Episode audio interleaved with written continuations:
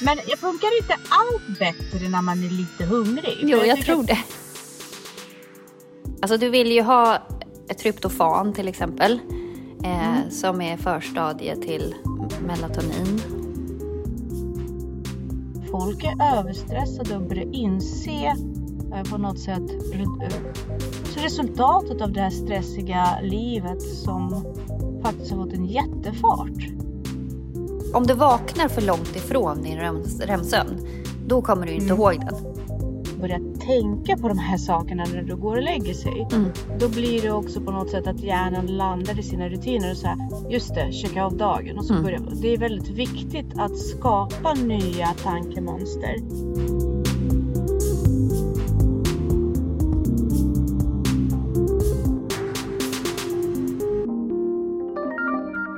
Så. Hej Jessica! Hej! Hur är det? Det är bra. Jag hann precis i tid till eh, Stockholm så jag sitter på parkeringen. inte innan jag har hunnit komma in till min dotter. Ja, nej, det är okej. Eh, det är bara skönt för sen kommer vi börja prata om gås så blir det svårt att slita sig bort. Så det är skönt att ha fått den här perfekta tiden. Man får lite lugn och ro. Ja. Körde du bil upp? Ja, jag körde bil upp den här gången. Ska mm. vara här ett dygn och sen så åker jag tillbaka. Skönt. Ja, jätteskönt och vädret har blivit bra och så det, det, det börjar rulla. Jag märkte nu i skolan eh, den här veckan, då kände jag så här, gud, nu har allting landat så himla bra. Nu rullar ju mm. faktiskt allting på skitbra. Och så är det lagom att skol, året ska ta slut. Men det tycker jag nästan blir så varje år. det mm. landar precis några veckor innan, innan man, tvungen att börja runda av igen. Liksom. Ja, Nej, men det känns ju som eleverna börjar checka ut nu också. Så. Ja, jo men så är det. Men det gör de ju. Det känns som att efter påsklovet, det, då, då händer det någonting i deras huvud. Så det blir liksom, då, då fattar de ju nu, nu är det snart sommarlov. Ja. Mm. Men så är det väl lite grann i våra huvuden också. Ja, fast jag vet inte. Alltså en del verkar ju vara jättestressade nu. Eh, lärare? Mm. Ja, jag har ju märkt att de som blir jättestressade, det är de som inte riktigt eh, har förmågan att bedöma och bli så himla... Underhand, ja. Ja, men precis, ja. ja jag tänker också ja. det.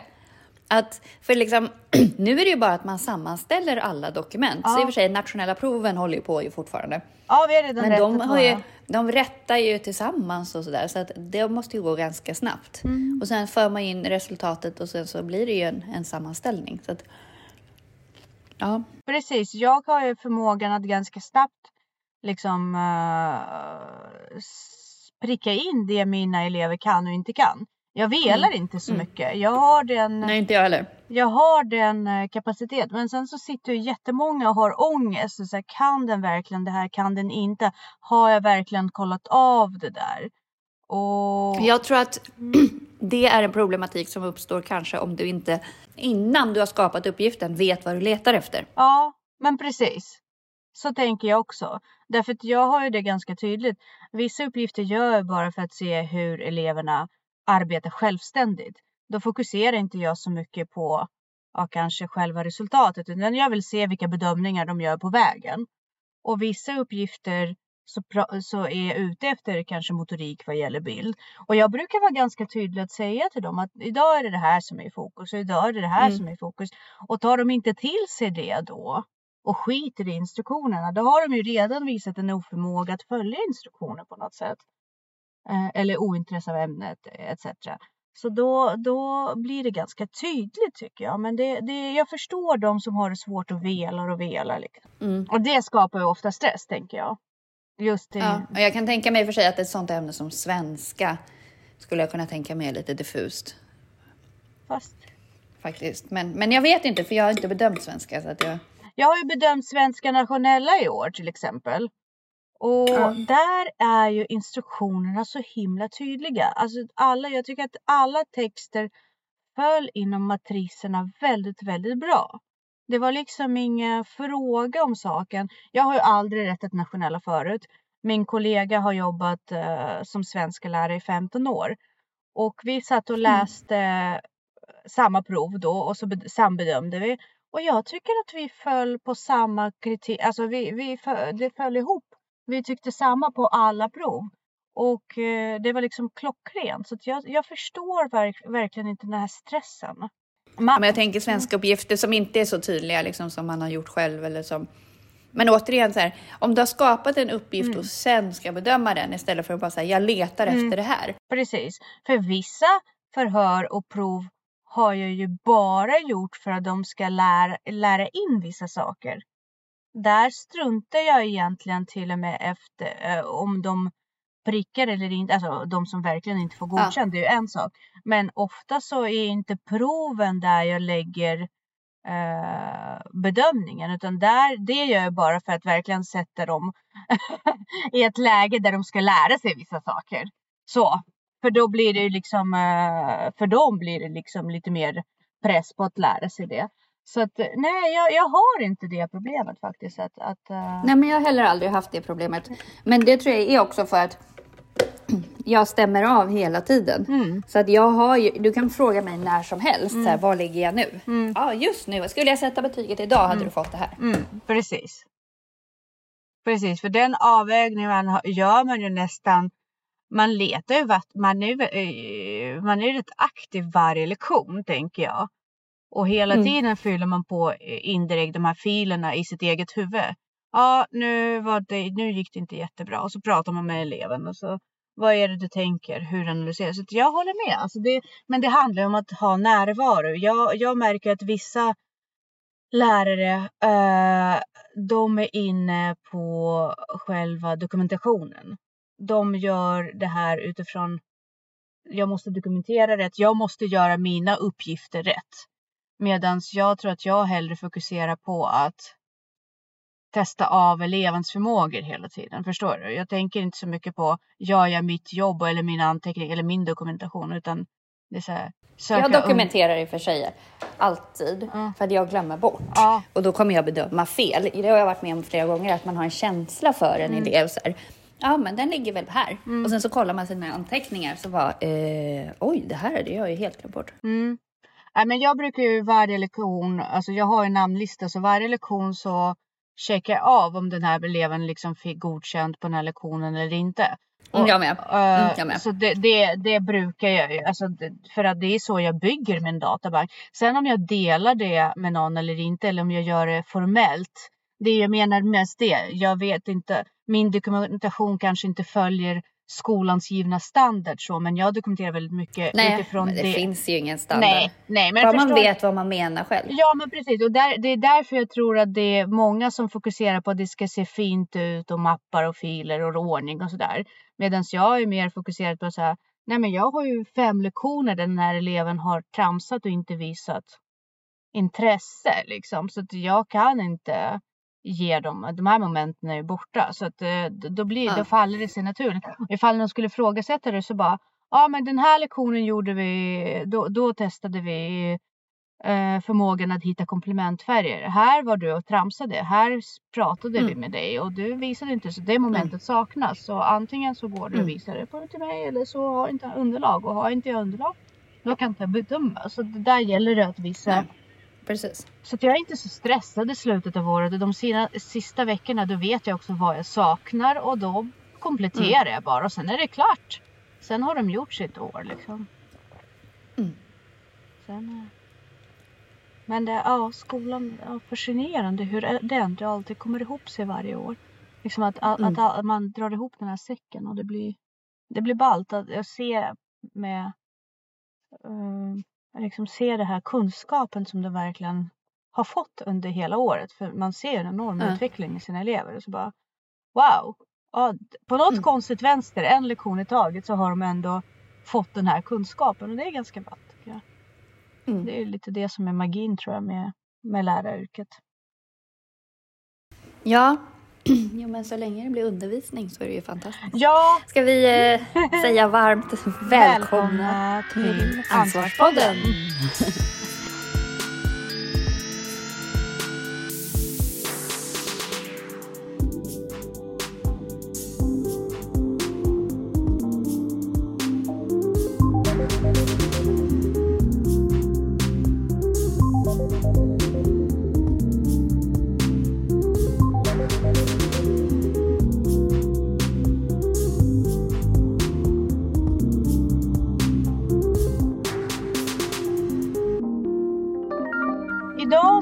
Prata lite grann om sömn. Ja, Nej, men jag är så sjukt frustrerad för att jag vaknar trött hela tiden nu för tiden. Mm, mm. Jag fattar inte riktigt varför. Det är urjobbigt. Eh, eh, bra. Har du mörkläggning i rummet? Du vet de här grundläggande. Nej men grejen är att jag sover, då, vak då är det garanterat att jag så vaknar mm. helt bombad om jag har mörk, mm. mörkt i rummet. Jag måste ha ljus så att jag vaknar med mm. solen. Okej. Okay. Mm. Eh, men jag har ju alltid haft jättedålig djupsömn. Mm. Eh, så att det är väl mycket det som spökar.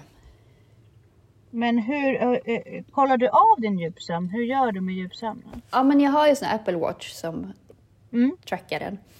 Eh, mm. Så att, eh, ja. Jag har ju för alltid sovit dåligt hela mitt liv.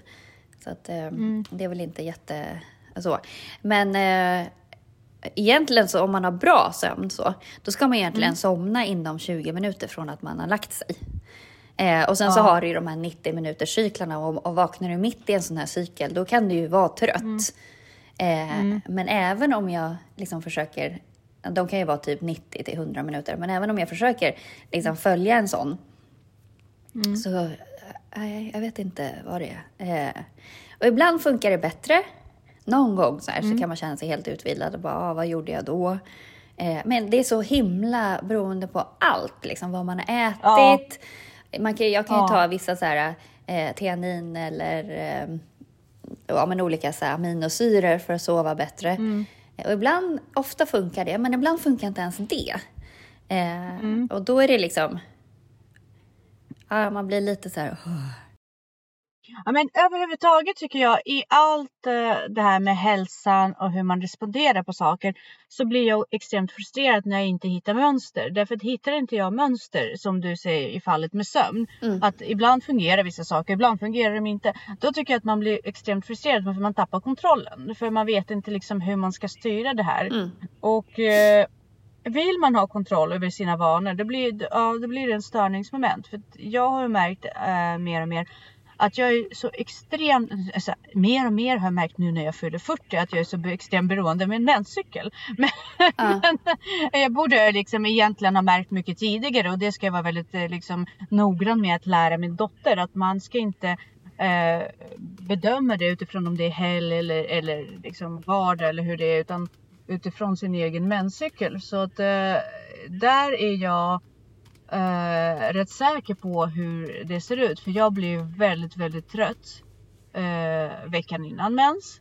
Mm. Då, alltså jag sover så himla mycket. Och sen så första dagarna när jag får mens. Och sen går det uppåt igen. Då blir jag mycket mer energisk. Mm. Och där har man ju också dragit, där har jag dragit paralleller när jag tränar. Och vi har pratat om det också. Att egentligen ska man inte jämföra sina träningsresultat från vecka till vecka. Mm. Och sina viktnedgång heller. Utan från samma vecka i menscykeln mot samma vecka i menscykeln. För då får man mer rättvis bedömning. Och jag tror att samma applicerar på sömn också. Mm. Vad tror du? Mm. Ja. För un under mensen så har man ju också snabbare puls. Ja, och det är också en grej att jag har lite snabbare eh, vilopuls nu. Och då känner jag mm. så här, mm. jag kanske är övertränad. Men mm. det gör jag för sig alltid. Nej men alltså det är så här, det är, ja, jag mm. vet inte varför. Men, och sen så dröm, jag har alltid drömt väldigt, väldigt mycket. Jag har mm. väldigt mycket mm. REM-sömn. Mm. Alltså REM-sömnen ska ju liksom vara 25 procent eller något sånt där. Alltså ja. min REM-sömn är typ, alltså mer än hälften. Oj, ja, ja, men eh, det kan jag nog känna igen mig mm. Men eh, Och jag, sov, jag ligger i sängen väldigt länge, så att det är inte så att mm. jag sover för kort tid. För det kan ju också vara en sån grej, att man, att man sover för kort så man verkligen inte hinner återhämta sig. Mm. Men jag sover nog för lätt, tänker jag. Att man inte har fått... Mm. Uh, ja. Starta om ordentligt. Ja, men, för det finns ju något som heter omvänd kortisolfrisättning. Eh, mm. som är, för du, du ska ju få kortisol i slutet av sömnen för att vakna till. Men ja. om kroppen har något kall på det så utsöndrar den ju kortisol lite här och var. Liksom. Eh, så att, eh, det kan ju säkert också vara en reaktion på drömmar tänker jag. Ja, men precis. Mm. Eh, Men också här, jag kan verkligen inte gå och lägga mig mätt eller för nära in på middagen. För då drömmer jag mardrömmar och eh, kan inte sova alls. Så du sover bäst på empty stomach? Ja. Men funkar inte allt bättre när man är lite hungrig? Jo, jag, jag tror att det. Jag är alltid mer fokuserad när jag är lite hungrig. Mm. Jag har alltid det roligare och lättare. Jag är mer energisk när jag är lite hungrig. Mm. Uh, med, och jag sover alltid bättre när jag är lite hungrig. Mm. Allt är lite, lite bättre när man är li, lite hungrig. Uh, men samtidigt så har jag väldigt svårt att släppa tankarna på maten också när jag är lite Mm. hungrig. Men uh, du har ju skrivit i din fina bok att uh, man ska äta en viss typ av mat innan man ska gå och lägga sig för att öka äm vissa ämnen. Ja, men Ber- precis. Berätta lite mer om det. Ja, men där kan du ju eh, äta... Alltså, du vill ju ha ett tryptofan till exempel, eh, som är förstadie till melatonin. Och melatonin är ju ett sömnhormon. Eh, Det är också förstadiet till serotonin. Så tryptofan är ju, är ju väldigt, väldigt viktigt. Eh, så att det vill du ju se till att du liksom får i dig. Eh, men tryptofan finns ju i proteinrik mat, alltså typ kalkon är ju väldigt bra. Men även i mjölk, det är därför man säger att man ska dricka varm mjölk innan man går och lägger sig. Eh, Vissa nötter och frön eh, har ju hög halt av tryptofan. Eh, typ så här pumpakärnor och mandlar och så.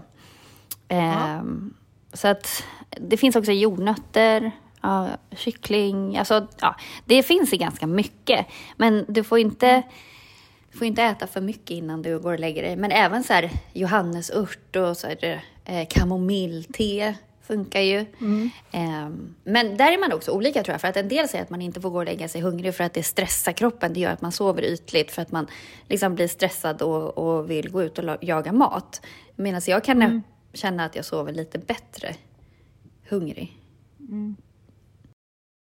Uh, ja, men det kan ju också vara lite psykologiskt. För jag tänker, alltså är man mätt så kanske man har ångest över det också. Eh, nu går vi lite in i matstörning, men jag har ju en eh, liksom ätstörning och så. För att jag har en tendens att överäta. Så för mig skulle det definitivt vara ångestfyllt. Mm. Om jag går och lägger mig väldigt, väldigt mätt. Att det framkallar ångest. Och jag tror att det kanske inte är så fysiologiskt från en början. Mm. Anledning, utan mer psykologiskt. Men det hade gjort mig Mm. Eh, stressad. Om man, de gångerna man kommer från fest och så lägger man sig kanske och är så här riktigt äckligt mätt. Då, då Mm. kan det verkligen framkalla den här ångesten. Mm. Och eh, ja. Så det kan ju vara en sån sak. Mm. Eh, min pojkvän, han drömmer inte. Paul drömmer aldrig. Jo, alla drömmer, Men men man kommer inte ihåg det. Ja. Ah. Så han minns bara inte. Så han går, jag tänkte så här, har han en eh, väldigt påtaglig djupsömn? Ligger han då helt försjunken i den här djupsömnen? Men då minns han bara inte. Alltså, nej, men jag tror att det, det betyder att hans... Eh, eh, det kan också betyda att hans drömcykler är ofullständiga. Alltså att han ändå har för lite eh, REM-sömn. Men alla har ju lite grann. Men kommer det för långt ifrån, om du vaknar för långt ifrån din REM- REM-sömn, då kommer du inte ihåg den. Mhm. Eh, Ja, att man är i en djupare fas. Mm, ja, eller att den är för kort eller liksom så. just det. Eh, Men det kan, alltså just det där sömnproblemen kan ju också ha med parasympatiska nervsystemet att göra. Att det liksom är inte fullständigt eller ja, det är något fel på det. Liksom. Alltså att, att man har stört det på något sätt. Mm. Eh. Och det där är ju väldigt intressant därför att jag har haft en vän som har lidit av sömnproblem hela sitt liv. Mm. Hon somnar Mm. utan problem. Och hon Mm. kan somna klockan nio på kvällen eller tio på kvällen. Det har egentligen ingen betydelse. Men det som händer sen det är att hon vaknar tre, fyra timmar efteråt. Mm. Och kan inte somna om. Nej. Och eh, eh, det är ju jättejobbigt därför att då ligger hon och så blir det ångest att hon inte kan sova och så blir det ångest för det liksom för små luckor. Och så samlas ju tröttheten på. Så hon har faktiskt varit med i en studie där hon har lärt sin kropp och Mm. tränat sin kropp eh, väldigt eh, ingående av att utöka de här sömncyklerna så att kroppen lär sig att inte väcka sig Mm. själv. Och där man liksom väldigt metodiskt programmerar tillbaka sömnmönster. Mm. Och eh, det, det var ju, hon höll på att gå in i väggen. Mm. Hon var ju så utmattad och liksom hon bara ångesten av att vakna mm. och se att klockan är två på natten eller tolv på natten och jag, har, jag känner mig redan utvilad. Och sen vad fan gör man på natten? Man kan inte liksom och sen håller man på att somna vid, vid ett-tiden på dagen. Mitt i arbetspasset liksom. Mm. Och sen går det bort igen och så är man otrött igen. Så att ja, det var väldigt jobbigt för henne. Mm. Men hon kanske också Men... bara har kortare dygn. Det finns ju sådana extrema äh. fall också. Att hon kanske så... har så här 12 timmars dygn. Liksom. Hon sover fyra timmar och sen så ska hon vara uppe i tio timmar. Eller något. Alltså att det, det är så här... Att, att, så kan det vara. Men, men för jag vaknar ju också, jag har alltid gjort det, vaknar flera gånger på natten. Mm. Och gör jag inte det, då är jag svinstressad när jag väl vaknar. För att för mig är det så här avcheckat så här, nu är klockan två, nu är hon fyra, nu är det snart är det dags att gå upp. Mm. Att jag får en så här långsam... Men sen så kan mm. ju också det sympatiska nervsystemet, det som har hand om stress och fight och flight och sådär, det kan ju vara mm. dominant om man är väldigt stressad och så. Och då sover man ju dåligt, för kroppen är liksom mm. inställd på att eh, att liksom flight. Men, och det påverkas mm. ju av så enkla saker som att faktiskt bara titta på vilken modern youtuber som helst. Ja. Så kort, kopplar du ju på kortisol, för det går snabbt, det är mm. skrikigt, det är liksom stressigt, mm. alltså det är alla negativa saker som finns. Mm. Så då aktiverar det ju det sympatiska nervsystemet.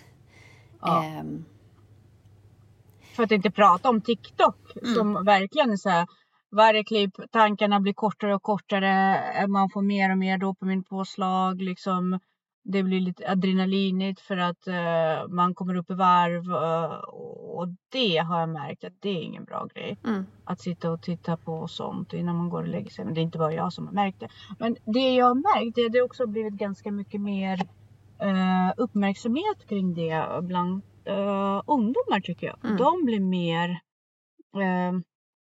uppmärksammade på det här att ja, nej men det här var inte bra mm. och jag ska inte och skärmar är inte bra när jag sover så det nej. finns ju nu en ganska skön så här, antirörelse som bara nej men det här, det här är lite cheap, cheap entertainment. Det, det är liksom det smakar inte, det blir bara värre och värre. Det blir bara mer och mer groteskt och mer och mer extremt och det är inte kul längre. Liksom. Mm. Så det, det, är ju ganska skönt. Det också det är många som vill detta också för en sån som börjar förstå mm. och får upp ögonen för att de här sakerna är faktiskt inte bra för kroppen. Mm.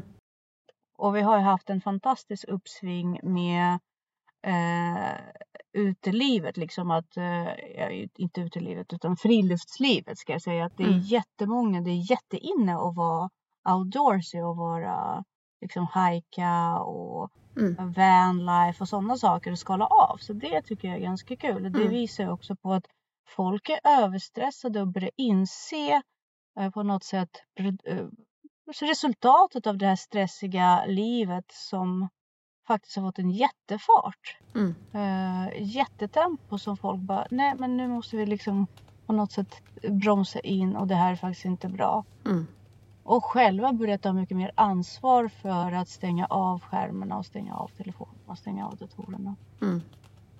Märker du det också i din skola? Inte riktigt tyvärr, men däremot märker jag det mm. när jag har föreläst att det finns ju de som börjar bli intresserade av det här och de, de blir mm. verkligen, just när man pratar om sömn och sådär, att de börjar kunna analysera själva vad det kan bero på mm. att vissa saker faktiskt inte är bra och så. Mm. Det är ju kul att det ändå finns de som fortfarande strävar efter det här kritiskt tänkande och tycker att det är kul att ifrågasätta och ändå inte bara köpa det här otroligt processade informationsflödet. Mm. Men eh, det är ju väldigt, väldigt spännande tycker jag att, liksom, att man är så olika och att även om man är hyfsat insatt så kroppen är ju ett mysterium faktiskt. Mm. Mm. Eh, men det man kan ju ena, enas om det är ju att eh, motion och skärmfri tid mm. och eh, att liksom det här med detoxa hjärna innan man går och lägger sig mm. är väldigt nyttigt. För jag, man har ju hört eh, den här diskussionen om att folk som har svårt att sova ibland att man lägger sig ner och så ältar man. Man mm. ältar sina problem och så det är då man börjar tänka på det. Det mm. här är en väldigt stor fallgrupp för det är en ett inlärd eh, mönster. Mm. Eh, att kroppen lägger sig ner och sen så söker den sig till sina vanor. Därför att man ligger där i tystnad.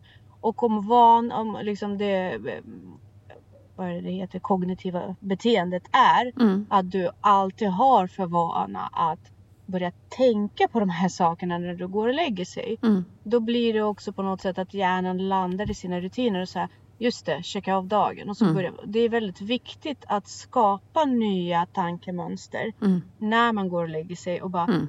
Ja, nu börjar jag tänka på mina rutiner. Nej, just det. Jag har min happy place och så mm. måste jag bygga på min happy place istället. Där, liksom. Eller någon form av annan tankemodell som man ska ägna sig åt innan man går och lägger sig och så småningom kommer det bli det nya mönstret. Mm. Så det är så man måste motarbeta ångesten. Jag vet att jag och Paul har gjort det jättemycket för honom för han har han har haft sån extrem, liksom just det här vanemönster av mm. att börja tänka morgondag. Men han har ju social fobi också så att för honom var det också viktigt att gå igenom dagen efter så att alla hans fallgropar var mm. uh, klara liksom så att han har redan preparerat inför varje social situation som eventuellt ska uh, uppstå. Men det är en helt annan Uh, och han var inte ens medveten om det. Han, vet, han har ju svårt att sova och han har, ibland måste han ta melatonin. Men just det här att man skapar en ny tankemodell. Uh, och det här gjorde ju även min kompis som uh, jobbade på sin, sina sömnproblem. Och hon mm. pratade också om vikten av att ha en tankerutin också. Mm. Men, men att kroppen också ska ha en annan rutin, alltså en fysisk rutin. Att den börjar koppla på melatoninet i samband med att man börjar stänga ner musiken. Man börjar sänka ljuset. Mm. Man kanske har en speciell doft som man associerar med sin tandkräm eller nattkräm. Mm.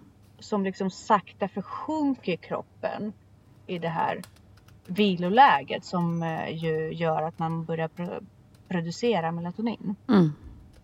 Så rutinerna är också extremt viktiga i samband med att programmera in kroppen om man nu har stört de naturliga mm. mönstren. Precis. Nej men mm. verkligen.